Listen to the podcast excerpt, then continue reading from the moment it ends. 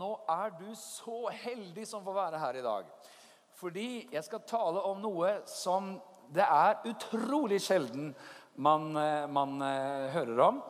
Det er eh, noe som svært, svært sjelden prekes om eller undervises om sånn rundt omkring. Det er mulig at du kommer til å skjønne hvorfor når vi begynner å, snakke om dette. Det, det, det, er ok. Jeg kjenner liksom forventningen stiger her nå. Vi får se.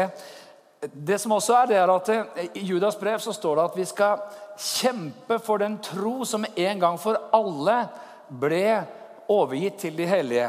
Og Derfor er det sånn at det fins visse ting som alltid har vært sant, og som alltid har vært en del av troen.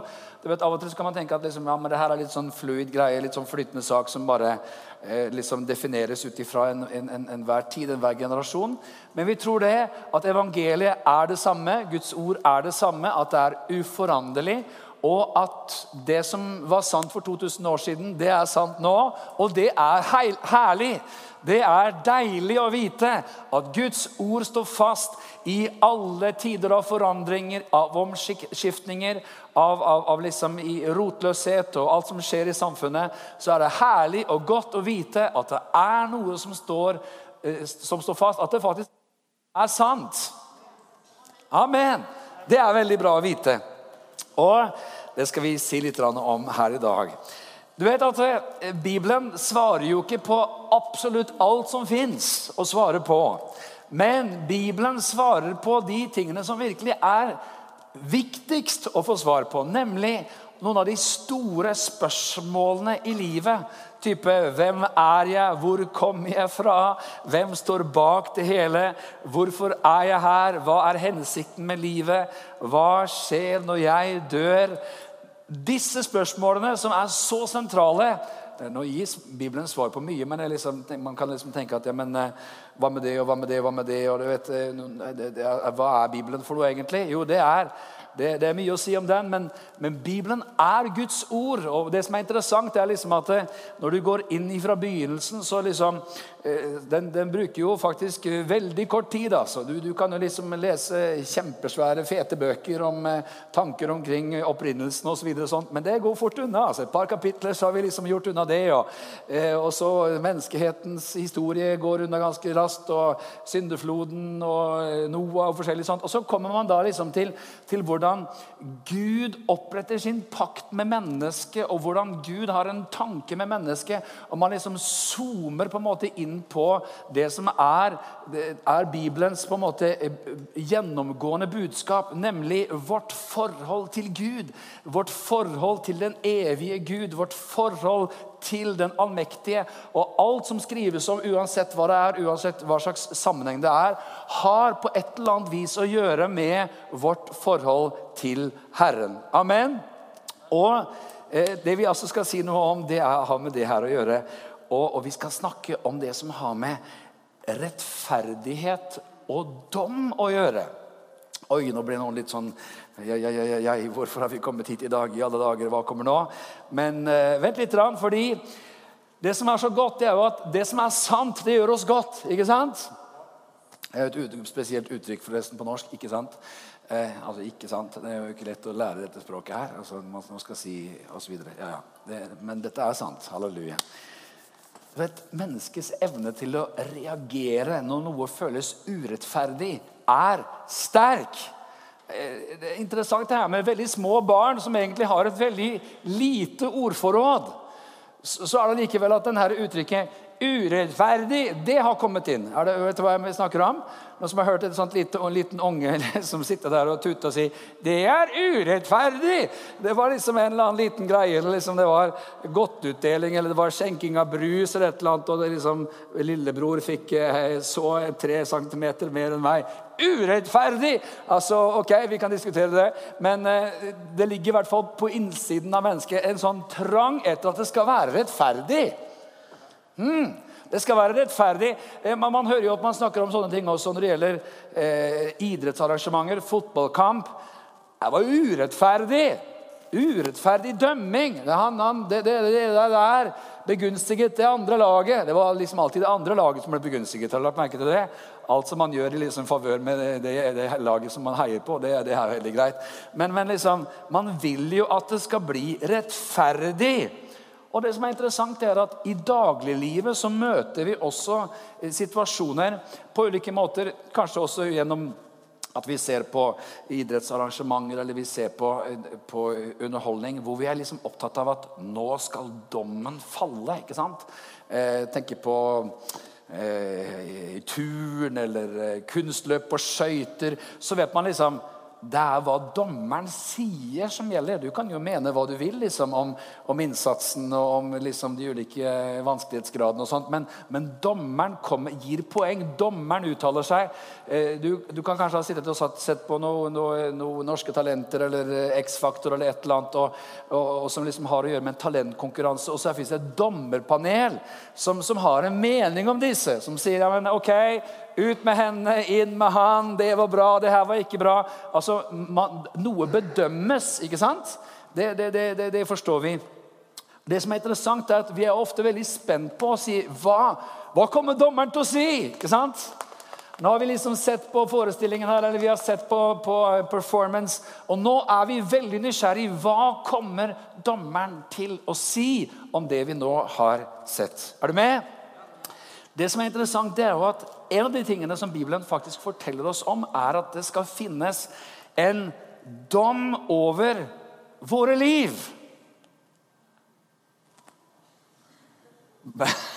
Ja, halleluja. Takk for i dag. altså En dom over det livet som vi har levd. og det, det er veldig grunnleggende. Men det er noe som kristne ofte kan kvie seg for å si noe om. For liksom, ja, men Da blir det litt sånn dystert og det blir litt sånn mørkt. Vi, du så, vi sørget for at liksom, eh, gardinene de gikk opp her nå, så at det skulle være veldig lyst og godt. når vi snakket om dette. For vi vil jo gjerne liksom framstå som, som glade og positive kristne.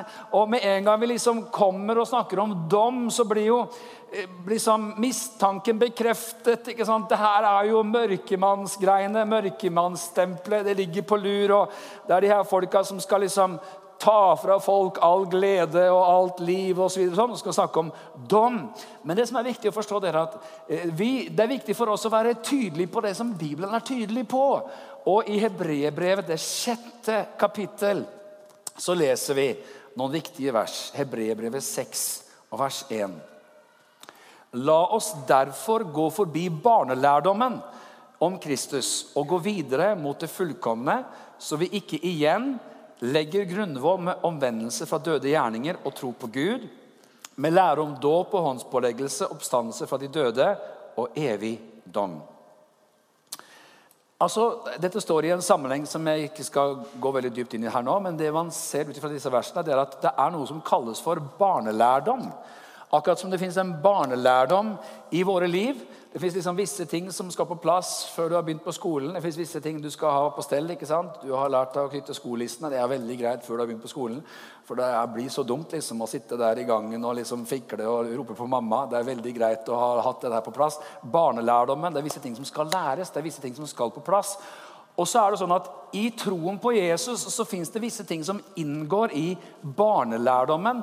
Og hva er det for noe? Jo, dette er jo grunnvollen og Her nevnes tro, dåp, håndspåleggelse. altså Håndspåleggelse har å gjøre med formidling av helbredelse og åndens dåp osv. Oppstandelse fra de døde og evig dom. Dette beskrives altså som Dette er barnelærdom. Dette her er basics. ok? Dette her er liksom Dette her er, er, er det første man lærer. Og det som er åpenbart, er jo at i ethvert byggverk, hvis dette er grunnvollen, så skjønner man jo at hvis grunnvollen er på plass, så kan byggverket bli bra. Så kan det bli solid, og så kan det tåle en støyt. Men hvis grunnvollen ikke er på plass, så kan også byggverket bli skjevt. Og så er det noe som, som, som ikke får den funksjonen det skulle ha. Eh, og det som er interessant, det er at dette altså er noe vi hører lite eller sjelden om, som vi snakker lite om. Hva er grunnen til det? Kanskje fordi det er så viktig. Det er jo veldig, veldig, typisk at det er veldig lett å snakke veldig mye om ting som ikke er så viktige. Har du merket det? Og ting som virkelig er viktige, ja, men det, det snakker vi ikke så veldig mye om. Eh, det står i Hebrebrevet 9 nemlig at det er menneskenes lodd, står det i Hebreerne 9, 27. En gang å dø, og deretter dom. Hør nå her. Det her er noe som er ufravikelig for oss alle. En dag er det slutt. Døden er det siste tabu. Det skal man liksom, det er, snakke om hva som helst, liksom, men ikke, helst ikke døden. Liksom for det, det, det og, og, I vår tid også så er det som har med død, det er liksom litt sånn usynlig. Eh, du vet, eh, I mange andre land så er man vant til at folk, det er mye mer vanlig at folk dør i, i hjemmet. eller liksom det, det, det er, Man ser, kan se mennesker som, som dør. Det er liksom mer sånn hverdagslig syn du forstår meg rett, i mange kulturer hvor dette skjer, skjer nært på en. Mens i, i, Norge så er dette noe som eh, veldig ofte skjer i institusjoner dersom det ikke er en ulykke. eller et eller annet sånt. Og det gjør at Vi liksom, vi er ofte veldig sånn distante til det som har med, med døden å gjøre. Og, og, og, liksom, for all del skru opp volumet enda litt høyere, så vi slipper å tenke på sånne ubehagelige greier som, som død. ikke sant? Jeg tror virkelig det at På et eller annet tidspunkt så er det sånn i hvert eneste menneskes liv at liksom, når det blir stille nok, så kommer disse tankene. Hva er meningen? Hva, hvorfor lever jeg? Hvorfor er jeg egentlig til? Hva, hva, skjer når jeg er ferdig med livet her? Hva skjer etter døden? Og, så eh, og Derfor så tenker jeg at det at vi dør, og så kommer dommen, altså livets dom, hvor vårt liv faktisk skal bedømmes, er noe som er godt for kristne å snakke om. Er vi med på det? Jeg vet ikke når du var i en begravelse sist, men begravelser er veldig spesielt. Jeg, jeg faktisk tenker av og til når jeg er i begravelser, at liksom det, det Vet, når, når, man hører minneordene, når minneordene leses opp over et menneske som, hvert fall Hvis det er et menneske som har levd lenge, som har hatt et langt langt, langt liv, og så, og så leser man gjerne da opp ikke sant, at ja, men øh, gikk på skole der, arbeidet der, gjorde si, gjorde så, var engasjert i det. Og, og, det tok jo liksom fem minutter maks å oppsummere et langt liv. Har du tenkt på det noen gang? Og sitte der og tenke liksom ja, det var det, liksom. Det, det var det livet. Altså, Det er jo så brutalt, egentlig, at det kommer en sånn oppsummering av et liv. Men samtidig som når man er i en begravelse, så tenker man gjerne på at åh, og hvor viktig livet er, hvor dyrebart det er, hvor, hvor spesielt det er, og hvor gjerne man ønsker at livet lever som det skal, at det har mening, at det har innhold, at det har dybde, at det har verdi.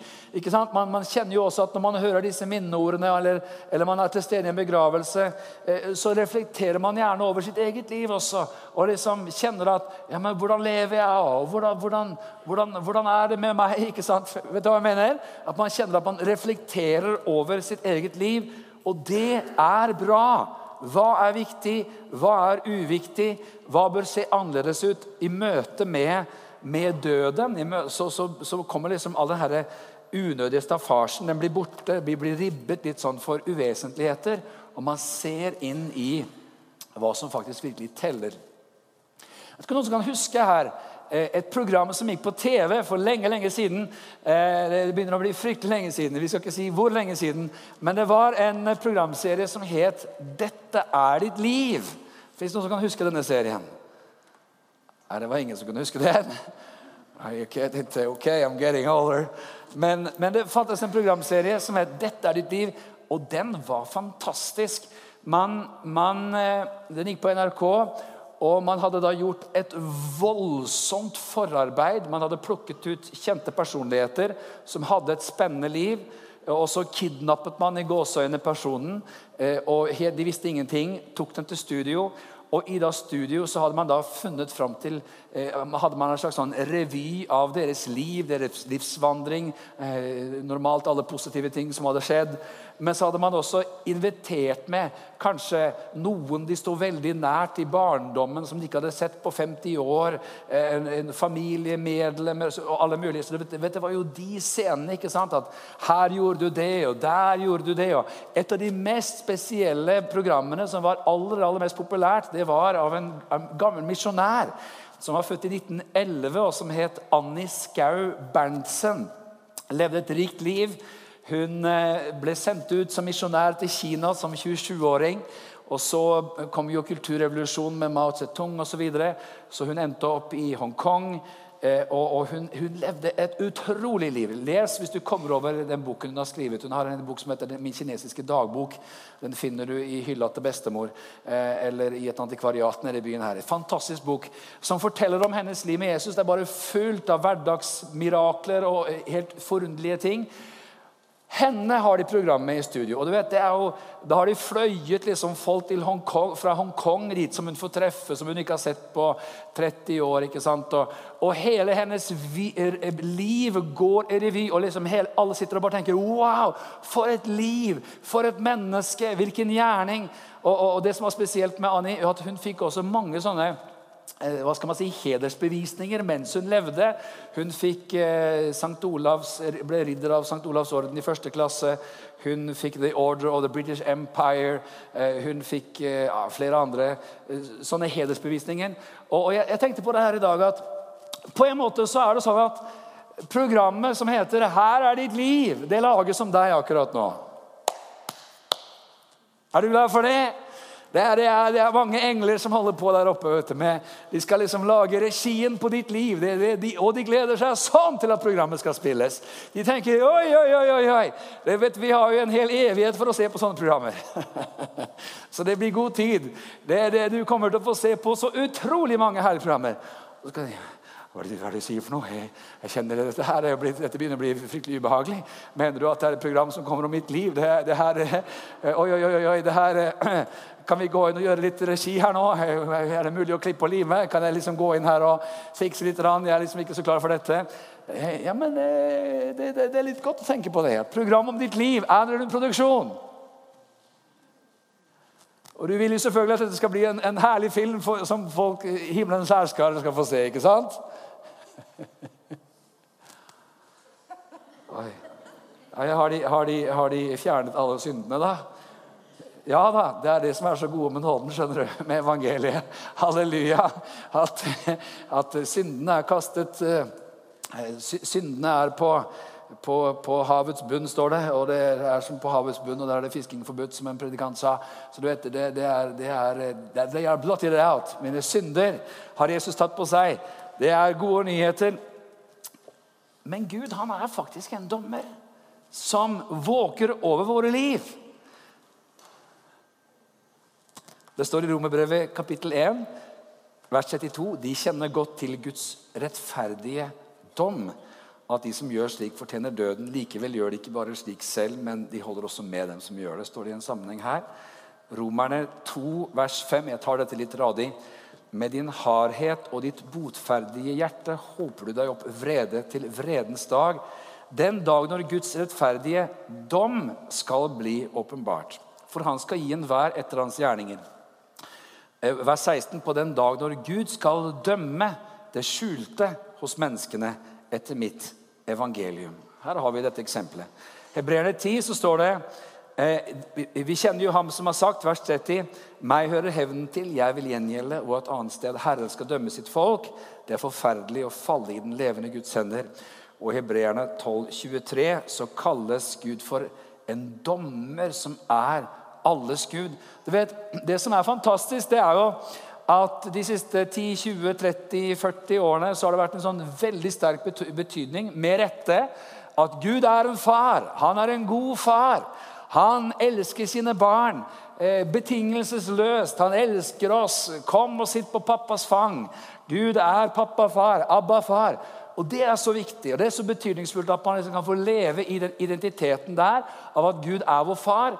Og så er det samtidig sånn at Vi skal ikke bruke ett bilde av Gud til, til å slå i hjel en annen dimensjon av Gud.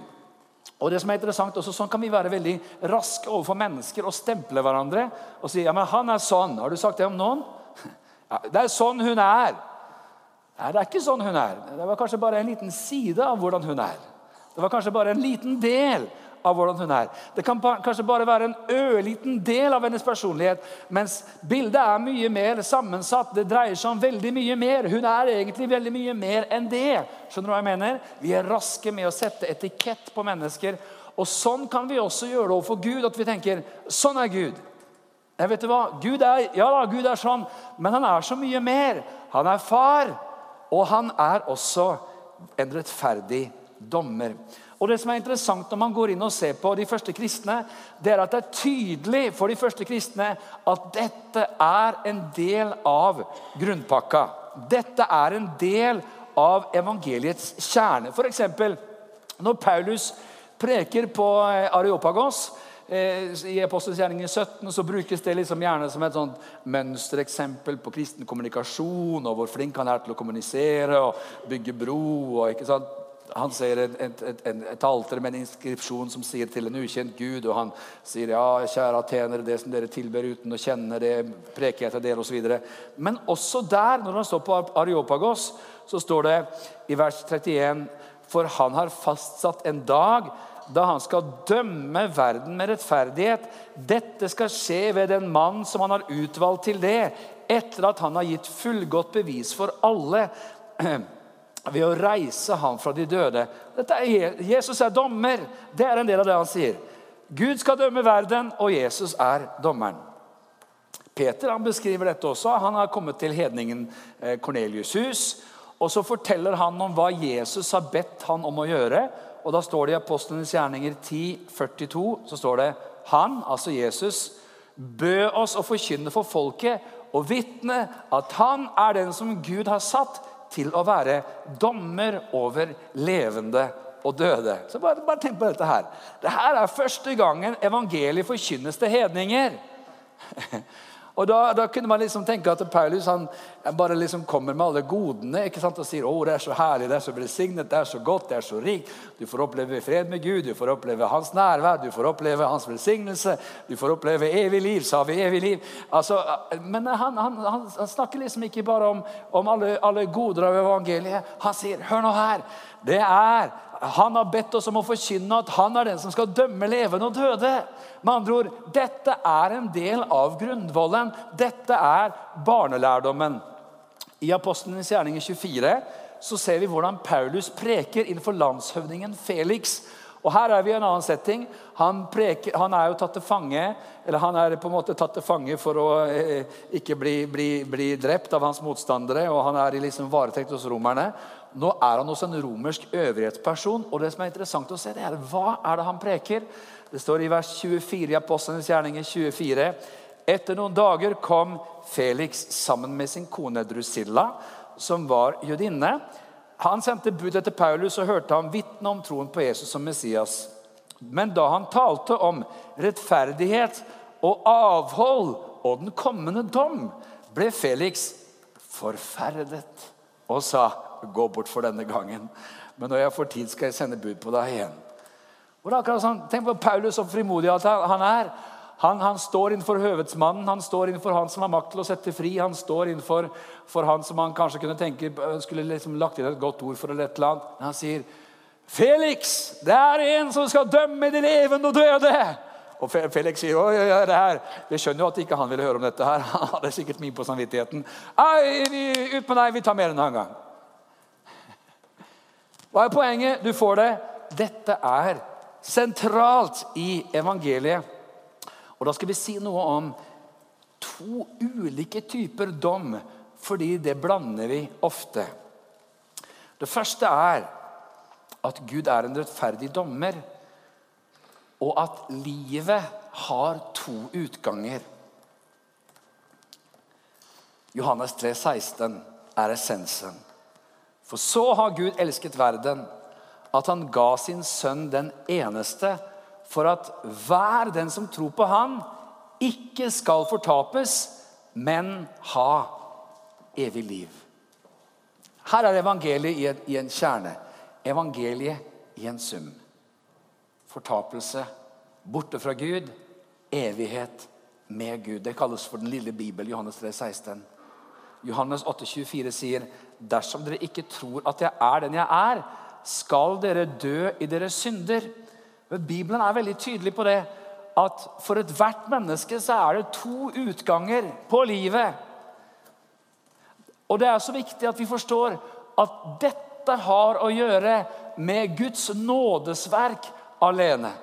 Dette har ikke å gjøre med gjerninger, dette har ikke å gjøre med om man har vært god eller flink eller snill eller, eller liksom gjort seg fortjent til det. Frelsen er gitt oss ufortjent av nåde. Hørte vi et amen her? Amen.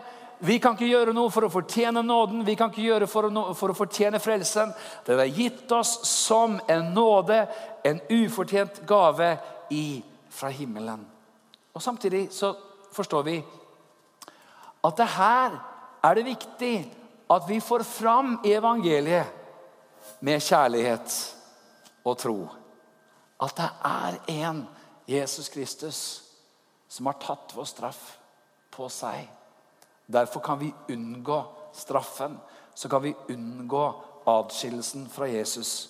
Johannes' åpenbaring, kapittel 20. Og Johannes' åpenbaring er så viktig, dere.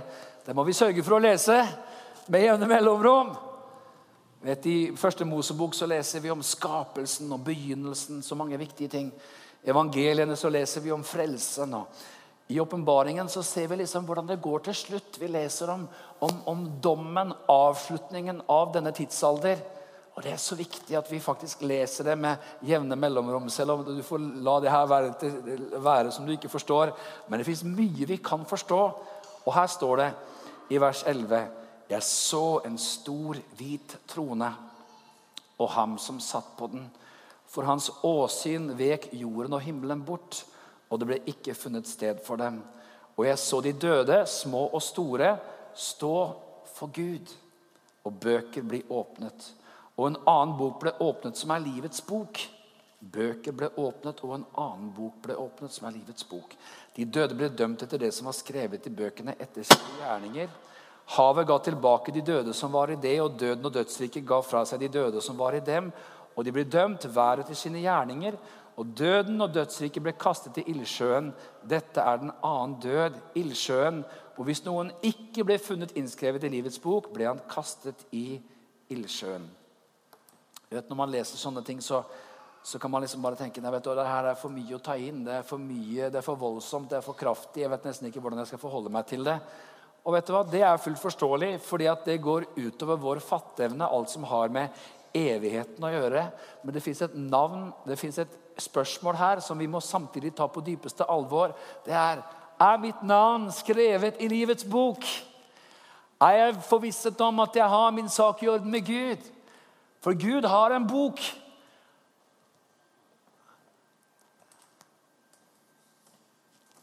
Der navnene på hver en som har tatt imot Jesus som frelser, står oppskrevet. Og hva sier Jesaja 53? Jo, straffen lå på Jesus, på han, for at vi skulle ha fred. Wow. Ja, Men hva betyr dette her når Johannes 5 sier følgende, vers 21? Liksom Faderen reiser opp de døde og gjør levende, slik gjør også Sønnen levende dem han vil. For heller ikke dømmer Faderen noe, men har overgitt hele dommen til Sønnen, for at alle skal ære Sønnen slik de ærer Faderen. Den som ikke ærer Sønnen, ærer ikke Faderen som har sendt ham. Sannelig, sannelig, sier dere, den som hører mitt ord og tror ham som har sendt meg, han har evig liv. Hør på det her. Han kommer ikke til dom, men er gått over fra døden til livet. Hva vil dette si for noe? Jo, det sier jo noe om at den som har tatt imot Jesus Kristus, går fri, er frikjent. Halleluja. Så når det gjelder denne dommen innenfor den store Guds hvite trone, der menneskets evige skjebne beseiles, så er det én ting som gjelder. Det er at Jesu Kristi blod har kjøpt oss fri. Halleluja. Så når du kommer, så sier han 'Frifunnet'. Dommen er lagt på Jesus. Nestemann. Frifunnet. Jesus har betalt din skyld. Frifunnet. Jesus Kristus har gjort alle ting nye. Frifunnet. Det gamle er borte, det nye er blitt til. Du er en ny skapning i Jesus Kristus. Amen. Ja, men den som ikke kjenner Jesus, da?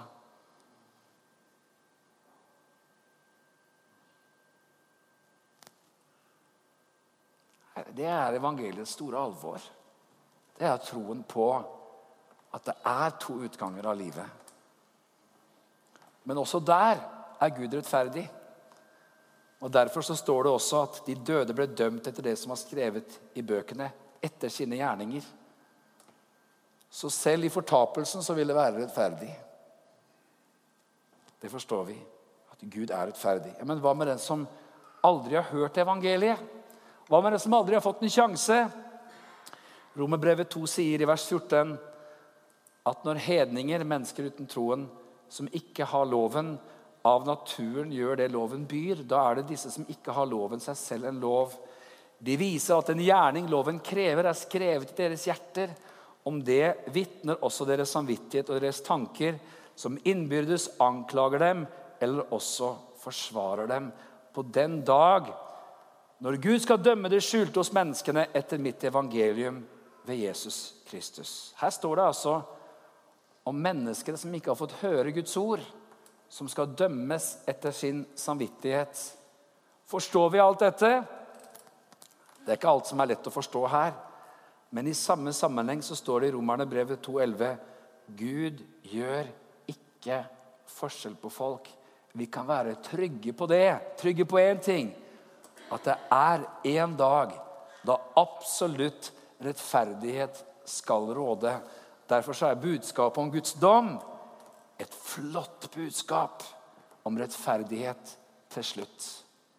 For det er jo så urettferdig alt sammen. Det er jo en plage. ikke sant? At man, man kan bare slå på nyhetene og se på nyhetene i to minutter, og man bare tenker urettferdig, urettferdig, urettferdig. urettferdig. Hvorfor skal noen mennesker ha det så ille? Hvorfor skal noen mennesker lide så voldsomt? Og videre. det kommer en dag da Guds rettferdighet skal råde. Her snakket vi altså om dommen som har å gjøre med livets to utganger. Men så fins det en annen type dom som kalles for Kristi domstol, og det er noe annet. Vi leser om den i 2. Korinterbrev 4. Var det bra at vi snakker om dette her på søndag formiddag?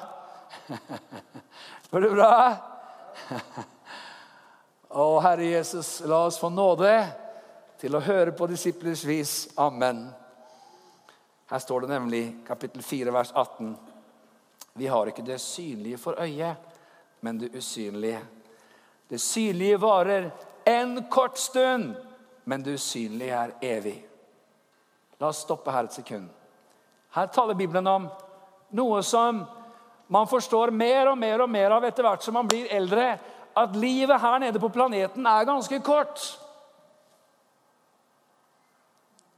Jeg liksom syns jo at jeg knapt har kommet i gang og er 47. Hallo! Nei, det er jeg ikke. Jeg er 46. Oh! ah, ja. Litt på forskudd. Blir 47 snart. Men altså Jeg syns ikke det har vart fryktelig lenge. Og Det som er interessant, er at liksom liksom unge menneskers eh, definisjon av hvem som er gamle. Det er litt sånn brutalt. Har du lagt merke til det noen gang? Du kan jo få hikke når du er 35, og, og du hører en eller annen 14-åring snakke. Ja, det var en sånn gammel fyr på 35 som kom og, og sa et eller annet. Og liksom Hva skjedde nå? liksom. Mens jo eldre man blir, jo eldre er de som er unge. Har du lagt merke til det? Ja, En ung mann på 30 år, en ung mann på 35. Da, da, da har det snudd andre veien. liksom. Det er et eller annet som har skjedd underveis der. Definisjonen på alder. Det, usy det synlige varer kort. Det usynlige varer evig. Og jeg tenker at det er faktisk kjempeviktig i en kristen kirke å snakke om evigheten og snakke om det som ikke andre snakker så mye om. Jeg er så glad for at livet ikke bare er å dytte så mye som mulig mellom A og B. Om man fikk eh, et kort liv eller et langt liv og levde til 120, så, så er allikevel livet veldig kort. Jeg husker så godt ei jente som jeg sto sammen med i et ungdomsarbeid. Og som var en av ungdomslederne, og som var på vei hjem til Vestfold for å feire jul med foreldrene sine. Hun var 25. Og der Og jeg var vel omtrent på samme alder selv. Vi var gjengamle. Så kom bilen inn i feil kjørebane, og det var vanskelig kjøreforhold. I et øyeblikk så var livet hennes over. Og vi var så rystet alle sammen. Alle ungdommer i menigheten, alle som kjente henne. Og det ble et sånt alvor over opplevelsen av at ja, vet du hva? Om livet ble 25 eller 35, 45, 55, 65, 75, 105 Det er kort. Og det kristne livet gir håp. Det er midt i en urettferdig verden noe mer. 2. Korinterbrev 5 sier, vers 7, vi vandrer i tro, ikke beskuelse. Vi er altså frimodige, og vi vil heller være borte fra kroppen og hjemme hos Herren. Derfor setter vi også vår ære i enten vi er hjemme eller borte, og være ham til behag. Og så kommer dette uttrykket. For vi må alle åpenbares for Kristi domstol, for at enhver kan få igjen det som er skjedd ved legemet, det man har gjort med kroppen sin, altså, etter det han gjorde enten godt eller ondt. Da vi altså kjenner frykten for Herren, søker vi å vinne mennesker, men for Gud er vi åpenbare. Jeg håper også å være åpenbar for deres samvittigheter. Hva står det her? Jo, det står at den som er kristen, skal komme inn for Kristi domstol.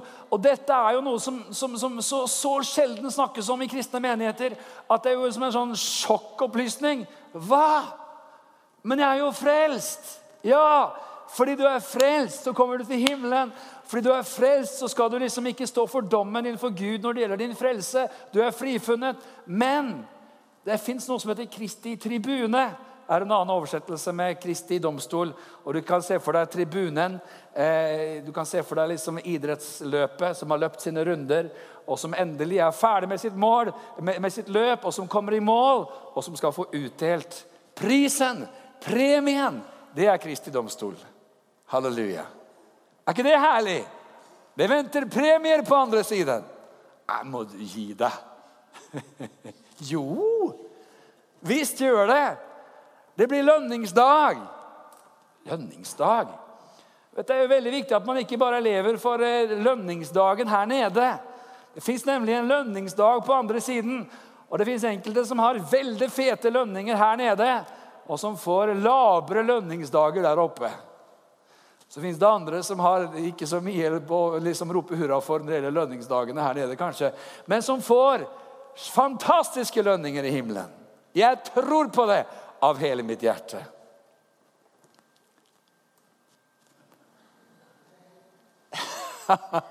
Amen! Hebreerne 4,13 sier ingen skapning er skjult for Han. Alt ligger nakent og bart for Hans øyne som vi skal stå til regnskap for. Hør nå her. Det her gjelder deg. Kan du tenke deg, Vi er i, i, vi er i himmelens saler. Blant englenes myriader. Alle hellige gjennom alle tider. Alle som har gått foran oss. Vær så god, neste. Ja. Da var det Daniel Tassone her, ja. Vær så god. Ja, du fikk et syn fra Herren om at du skulle stå sammen med en eh, barhodet mann i Norge. Og det stemmer jo. Eh, du var lydig mot den visjonen. Veldig bra. Vel gjort. Altså Det her er realiteter. Regnskapsdagen er kommet.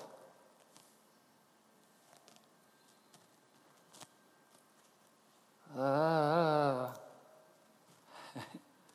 kan være at han sier til noen andre at ja, men, eh, 'Jeg har et fantastisk liv for deg. Jeg hadde forberedt så mye herlig.' Å, jeg elsker deg, og du er frelst ved nåde. Men det ble ikke så mye lønn, dessverre, her. Du har jo stort sett sittet og sett på TV de siste 30 årene. Så fikk jo ikke gjort noe særlig av det jeg hadde tenkt du skulle gjøre. da. Du hadde det jo hyggelig, men lønn ble det dårlig med. Du mener ikke å si at Bibelen er, sier masse om at det er lønningsdag. Halleluja! Ja, men jeg kjenner at jeg blir litt smånervøs. Det kalles for gudsfrykt.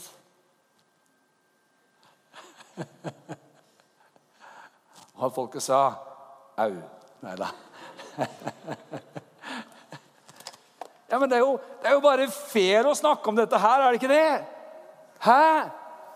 Hvis dette her er virkeligheter, så må vi jo snakke om det. Amen. Vet, Romerbrevet 12,2 sier 'skikk dere ikke lik denne verden'. altså skal ikke leve sånn som denne verden lever. Men bli forvandlet ved, det, ved, det, ved at deres sinn fornyes.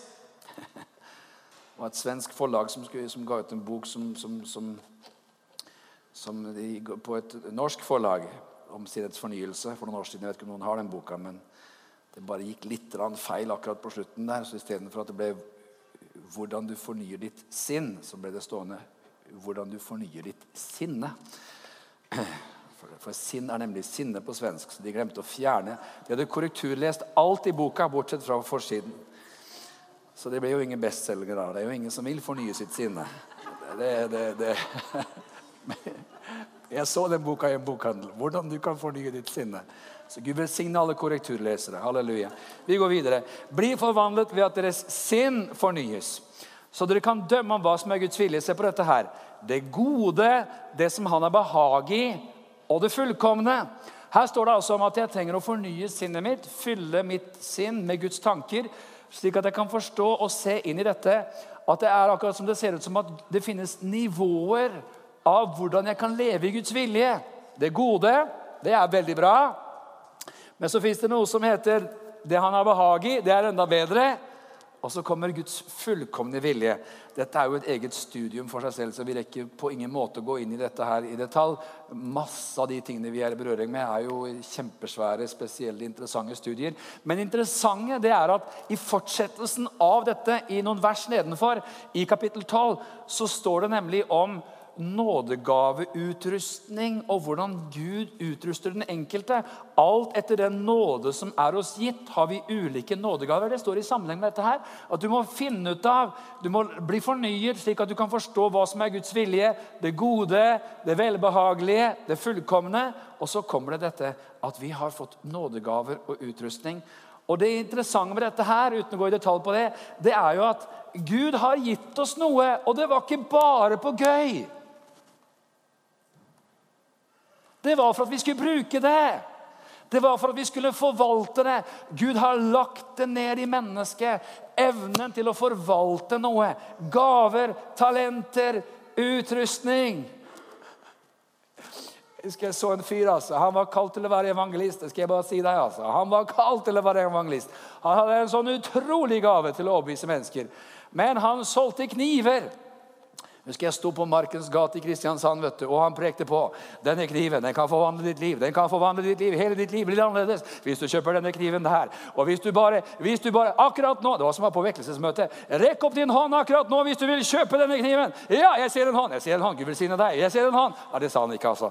Men altså, han sier, jeg ser din hånd, jeg ser din hånd. Jeg ser din. Og hvis du, virkelig, hvis du virkelig mener alvor, så kom fram her nå! Og så, wow! 50 stykker, vet du. De skjønte jo ikke hva som skjedde. De punget ut hundrevis av kroner for noen kniver og gikk videre og gikk hjem. Og tenkte 'Hæ, hva skjedde nå?' Ikke sant? Og jeg tenkte Oi, oi, oi, oi. Han kan ha vært en god selger, altså. men jeg, jeg, det, det, det, er ikke sikkert jeg har rett i dette. Men jeg, jeg sto der og tenkte det er en frafallen evangelist der som skal tjene penger til livets opphold. jeg møtte nemlig en evangelist som hadde begynt som selger bare for å få en eh, biinntekt. Og så var det bare det at eh, det var så fryktelig mye penger å tjene på denne biinntekten. Så til slutt så tjente han mer på en måned enn han gjorde resten av året som evangelist. Og så til slutt så ble det ikke noe evangelist igjen, og så ble det biinntekten hadde blitt til hovedgeskjeften.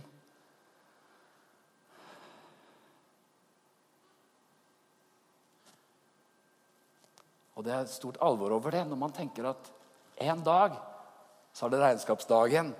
Så er det dagen hvor jeg skal stå innenfor Herren. Amen. Så da gjelder det å finne ut av Herre, hva har du gitt meg? Det vil jeg bruke. og så, så, er vi jo i Norge, da, og da tilgi oss de som ikke liksom skjønner tankegangen her. Men, men, i Norge så kan man liksom da tenke ja, men jeg fikk så lite, jeg. Det var så lite som jeg fikk Vi blir så usikre, vi, vet du. ikke sant? Jeg vet liksom ikke om jeg har egentlig fått noe. Jeg vet ikke om det er så veldig det jeg har fått. Jeg, Jeg syns liksom ikke det er så veldig. Og så har du andre kulturer liksom som bare eh, sier I'm the best in the world in that. Jeg vet ikke hvorfor jeg sa det på engelsk. Men, eh, men eh, jeg så en video her en dag som kanskje har forklaringen på en viss amerikansk leder som har veldig selvtillit på alt han er flink på. Så, så du vet at eh, noen er veldig på alt de kan. Åh! Vet du hva? Jeg er sikker på at på lønningsdagen så kommer vi til å få mange overraskelser. Hvorfor det? Jo, for det er folk som vi tenker de der, de er vel ikke noen hotshots i Guds rike. Ja, men de har trofast undervist barn uke etter uke, år etter år. Det fins noen sånne herlige damer vet du, som har liksom sett 14 generasjoner med unger gå gjennom søndagsskolen. Ingen vet hvem de er, og de har liksom bare fostret en generasjon for Jesus på søndagsskolen. Eller, eller mammaer som holder på å tjene Gud, og ingen ser dem, vet du, men de gir til misjon, og de ber for misjonærer, og de holder på og gjør alt det Gud vil de skal gjøre. Amen. Så her skal vi ikke bli firkanta og tenke ja, men den, den er brukt av Gud, den er ikke brukt av Gud. Den vet vi ingenting om. Kan være det er folk som vi tenker Ohoi, de der gjør jo fantastisk mye.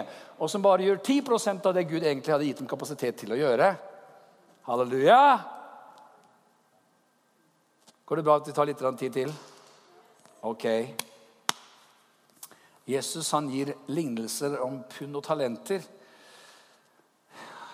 Og det står i Matteus 25, vers 14, for det er som en mann som dro utenlands. Han kalte til seg sine tjenere, som overlot dem eiendommen sin. Til en gang fem talenter, til en annen to, til en tredje én talent. Hver av dem ettersom de hadde evne til, så dro han utenlands. Så drev de handel, de forvaltet det de var gitt, og så kom Herren tilbake, og han holdt regnskap over dem, står det i vers 19. To hadde gjort noe med det de fikk, og én hadde gravd ned. I vers 21 så sier Jesus da, 'Vel gjort, du gode og tro tjener. Du har tro over lite, jeg vil sette deg over meget. Gå inn til din Herres glede.' Her ser vi jo at folk fikk litt forskjellig. Alle fikk ikke likt. Det var liksom ulike talenter, ulike gaver, ulik utrustning. ikke sant? Og Så ser man en annet eksempel i Lukas 19, 12. Og det er interessant Hver gang man leser om en mann som dro av høy ett som dro til et langt langt borte for å få kongebakt og så komme tilbake. Vi skjønner jo at han snakker om seg selv, Jesus. Han kalte til seg ti av tjenerne sine, ga dem ti pund og sa til dem, driv handel med dem til jeg kommer igjen. Og det skjedde Da han hadde fått kongedømme og kom tilbake, da lot han kalle fram for seg de tjenerne som hadde gitt han hadde gitt pengene til, så han kunne vite hva de hadde tjent. Her er det en annen lignelse. Her får alle likt. Ti til deg, ti til deg, ti til deg. ti til deg. Eh, og, det som er interessant er at det fins visse ting som er spesielle for hvert menneskes liv. altså Unikt for deg. Du har gaver som ingen andre har. Og så ser man samtidig at det fins ting som på en måte ikke har noe å gjøre med forutsetninger i personlighet, nødvendigvis, men som er tid til deg, tid til deg, ting som alle kan gjøre. ikke sant? Alle kan egentlig be til Gud. Alle kan bety noe for andre. Alle kan gi til Guds sak. Alle kan leve i kjærlighet. Alle kan tjene. altså. Halleluja.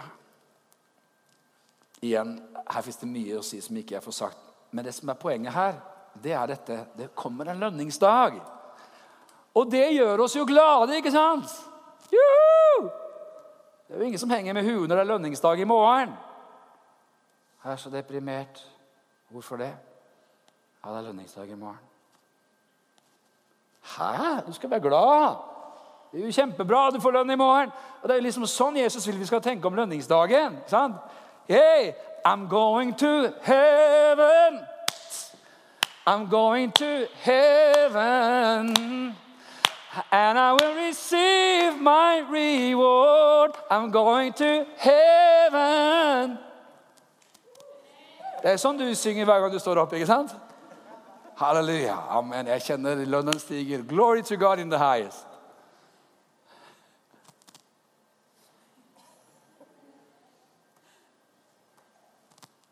Man snakker om i-land og u-land og sånne ting. Det er jo litt sånn forstenede, ut, forstenede uttrykk i for seg, men jeg har snakket en del om det før.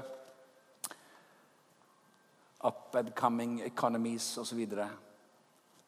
Av og til så virker det som at liksom, det her åndelige kartet på de rike og fattige er snudd helt opp ned. Ikke alltid, men av og til. Hvem som defineres som rik i Guds øyne og fattig i Guds øyne, tror jeg kanskje ser litt annerledes ut. I 1. Korinterbrev 3 så står det da om denne dommens dag i vers 12. Vers 13 kan vi ta fra. Så står det at det verk som enhver har utført, skal bli åpenbart. Dagen skal vise det, for det skal åpenbares med ild. Hvordan det verket er som hver enkelt har utført, det skal ilden prøve. Om det byggverket som en har reist, blir stående, da skal han få lønn. Brenner hans verk opp, da skal han miste lønnen. Men selv skal han bli frelst, men da som gjennom ild. Her taler det altså ikke om noe fysisk byggverk, men om det åndelige byggverk som vi bygger i Gud. Ja, men lønn, få lønn, miste lønn. Tales det om forskjeller? Selvfølgelig! Fordi Gud er rettferdig. Jeg blir ikke likt, da. Det Er tydelig altså, at Gud han tenker litt annerledes om det?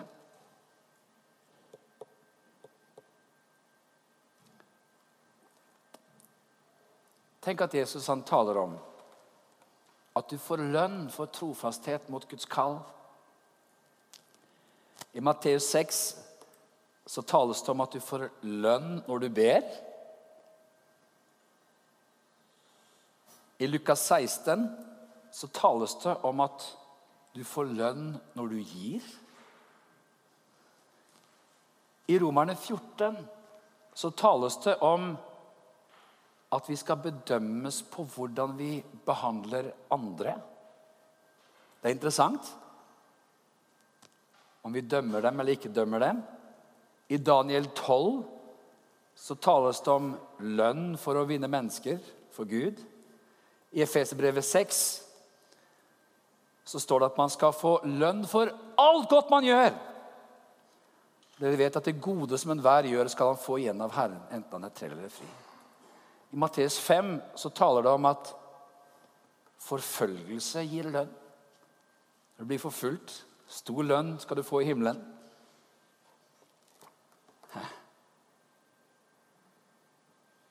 Mange ulike ting som Bibelen beskriver. Det her får du lønn for. Og hva er det noe av det siste som står i boka? Åpenbaringen 22. Se, han kommer! Og hans lønn er med ham.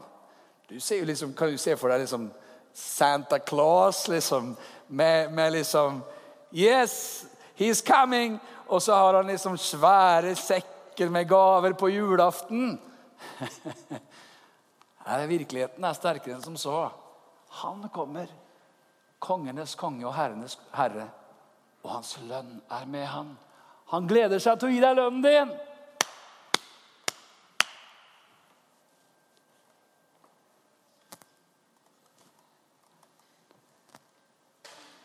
Halleluja.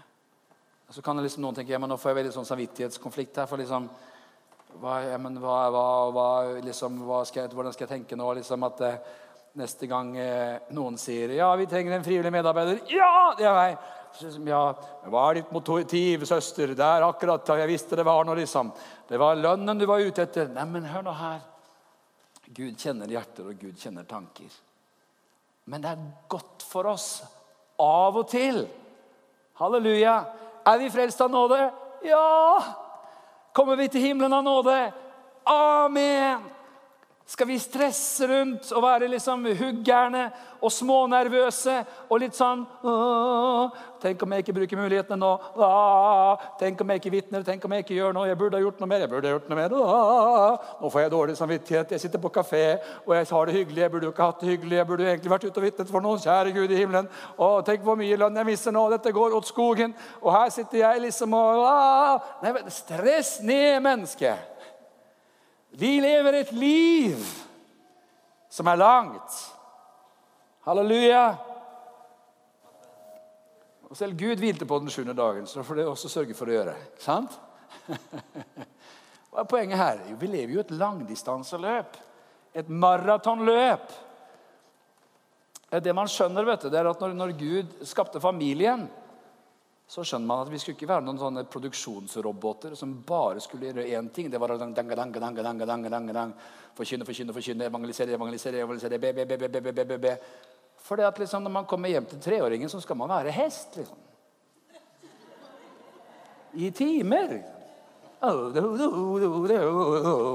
Forretningsmennen kommer rett fra Aker Brygge, og han har signet de flotteste dealer, men når han er hjemme, så er han Det imponerer ikke treåringen et gram.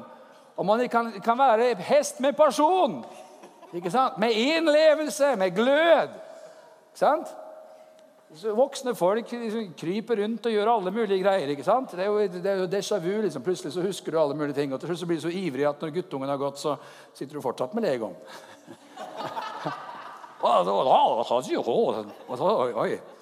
Arne, nå må du komme deg middag! Han har gått for en halvtime siden. Så, så du, ja, men hør nå her det er godt å tenke på det fins en helhet. Det fins en balanse. Ikke sant? Det er jo godt å bare liksom dytte inn dette på slutten når vi snakker om sånne ting. For sarte sjeler. Så får sånn dårlig samvittighet hvis de liksom brukte en time på noe som var godt for seg selv. Hallo, kjøpte jeg denne blusen her? Jeg kunne jo gått til en ufødt evangelist Nei, ikke ufødt evangelist, det skal mye til. Innfødt evangelist. Som ikke snubler i tall, er en fullkommen mann. Det kunne jo gått til misjon. Ja, men hør nå her. Det, det, går faktisk bra med begge deler. Halleluja. Han som kler liljene på marken, hvor mye mer skal han ikke kle dere? Og så videre, ikke sant?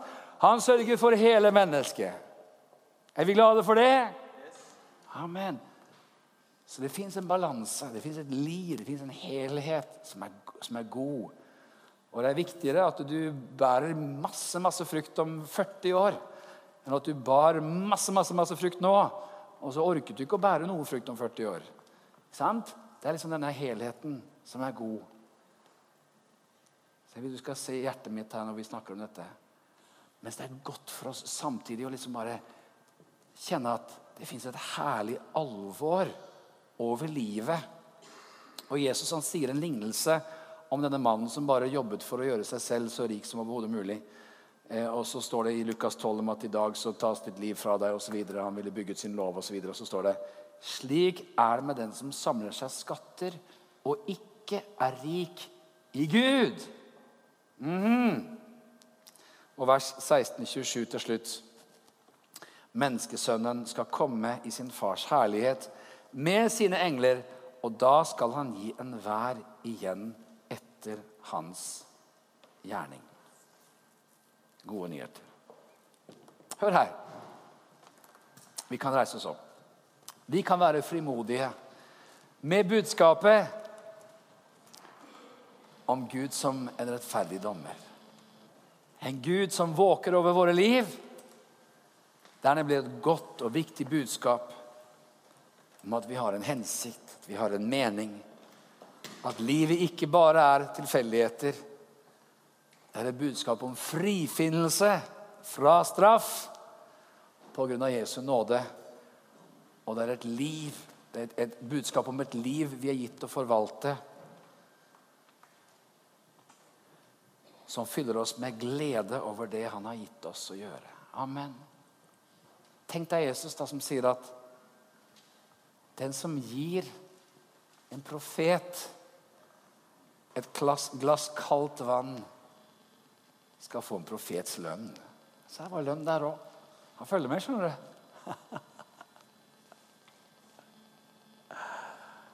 Amen. Halleluja.